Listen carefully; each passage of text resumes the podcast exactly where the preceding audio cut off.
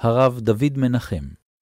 בפרק ל"ו התייסד בית המדרש של משה רבנו. משה ביקש מעם ישראל להביא תרומה, והם הביאו.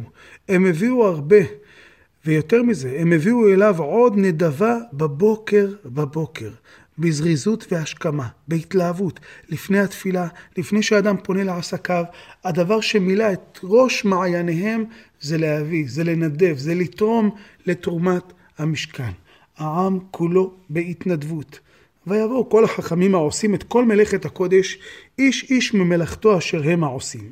ויאמרו אל משה לאמור, מרבים העם להביא מידי העבודה למלאכה, אשר ציווה אדוני לעשות אותה. יש לנו כבר מספיק.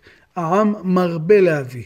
זה כבר בריבוי, זה כבר יותר ממה שאנו זקוקים לו. ויצב משה, ויעבירו קול במחנה לאמור. מה הקול אומר? הקול היה צריך לומר, אל תביאו עוד. אבל זה לא מה שמשה אומר.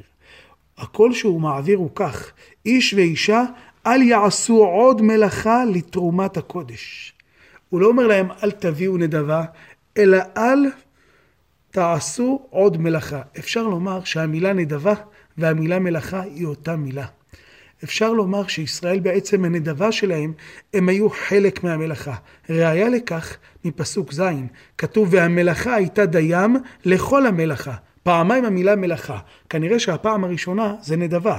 והמלאכה הייתה דים, הכוונה הנדבה הייתה דים לכל המלאכה לעשות אותה ויותר. זה בא לומר שנדבת הלב שלהם הייתה כאילו הם עשו את המלאכה.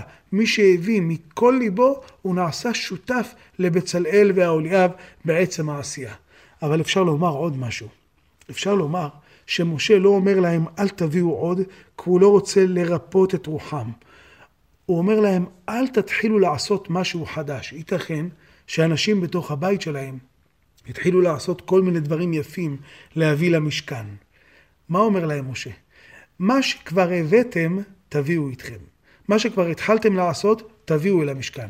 אבל אם לא התחלתם לעשות מלאכה, אל תתחילו מלאכה חדשה. אבל העם לא הביא גם נדבה. ויקלא העם מאבי. הוא לא רצה לאכזב את מי שכבר התחיל להכין משהו, אבל למעשה מסתבר ש... ויקלא העם מאבי. העם לא הביא עוד מלאכה, הוא לא פתח בעוד מלאכה ולא הביא עוד נדבה. ידוע שאצל הדרשנים שמו לב למילה ויקלא, שיש אותה פעמיים בתורה. פעם אחת בסיפור של המבול, ויקלא הגשם מן השמיים, ופעם שנייה, כתוב את זה אצלנו, ויקלא העם מאבי. כנראה יש משהו בשניהם. אם נתקדם עוד טיפה, עוד פסוק אחד נוכל להבין את זה. והמלאכה הייתה דים לכל המלאכה לעשות אותה והותר.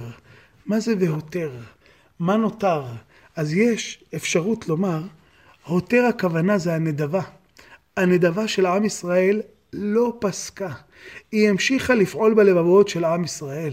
ב-DNA של עם ישראל נמצאת מידת הנדיבות, מידת החסד, מידת הצדקה. עותר הכוונה מידת הנדיבות והצדקה נותרה בלב בני ישראל לדורות. על פי זה אני מבין מה זה ויקלה הגשם מן השמיים ויקלה העם מאבי. נכון שבסיפור המבול נאמר שהגשם פסק. אבל הוא לא פסק לתמיד, הוא פסק לאותה תקופה, ולשנה הבאה הוא ימשיך להביא את החיים, את החיוניות לאדמה. הגשם לא מפסיק, הגשם בא בעיתו. גם הנדבה של עם ישראל לא פסקה לגמרי. היא פסקה באותו זמן, לא היה צריך יותר נדבה למשכן, אבל הנדבה הזו ממשיכה במשך הדורות, כמו גשם ששב מדי שנה בשנה ומרווה את הארץ.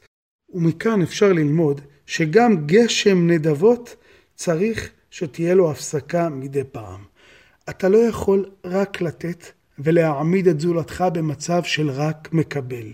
מדי פעם צריך להותיר לו מקום לאדם המקבל, להותיר לו מקום אוטונומי שבו הוא יוכל לצמוח ולעמוד בכוחות עצמו. כאשר נותנים בלי הפסקה, לא נותנים לאדם המקבל לקום ולעמוד על רגליו. הנדבה הזו צריכה להיות בשום שכל. המלאכה הייתה דיים לכל המלאכה לעשות אותה והותר, להותיר לו את המקום שלו, לתת לו לעמוד, לתת לו להיות צומח בזכות עצמו.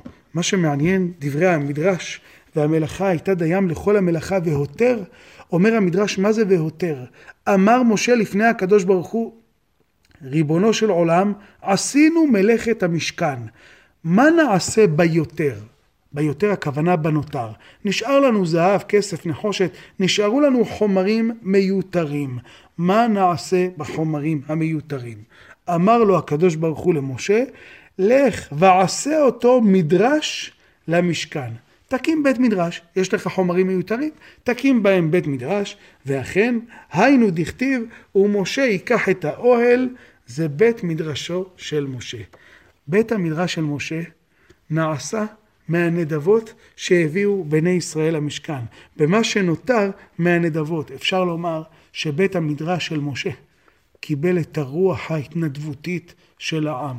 מאז ועד ימינו, מה שמציין את בית מדרש, בית מדרשו של משה, בית מדרשה של היהדות, זה הרוח של הנדיבות, רוח של הצדקה, רוח של אכפתיות ושותפות גורל, הצדקה שמשה עשה, התיקון עולם שמשה רבנו שאף אליו, ממשיך לדבוק את כל מי שנכנס לבית מדרשו.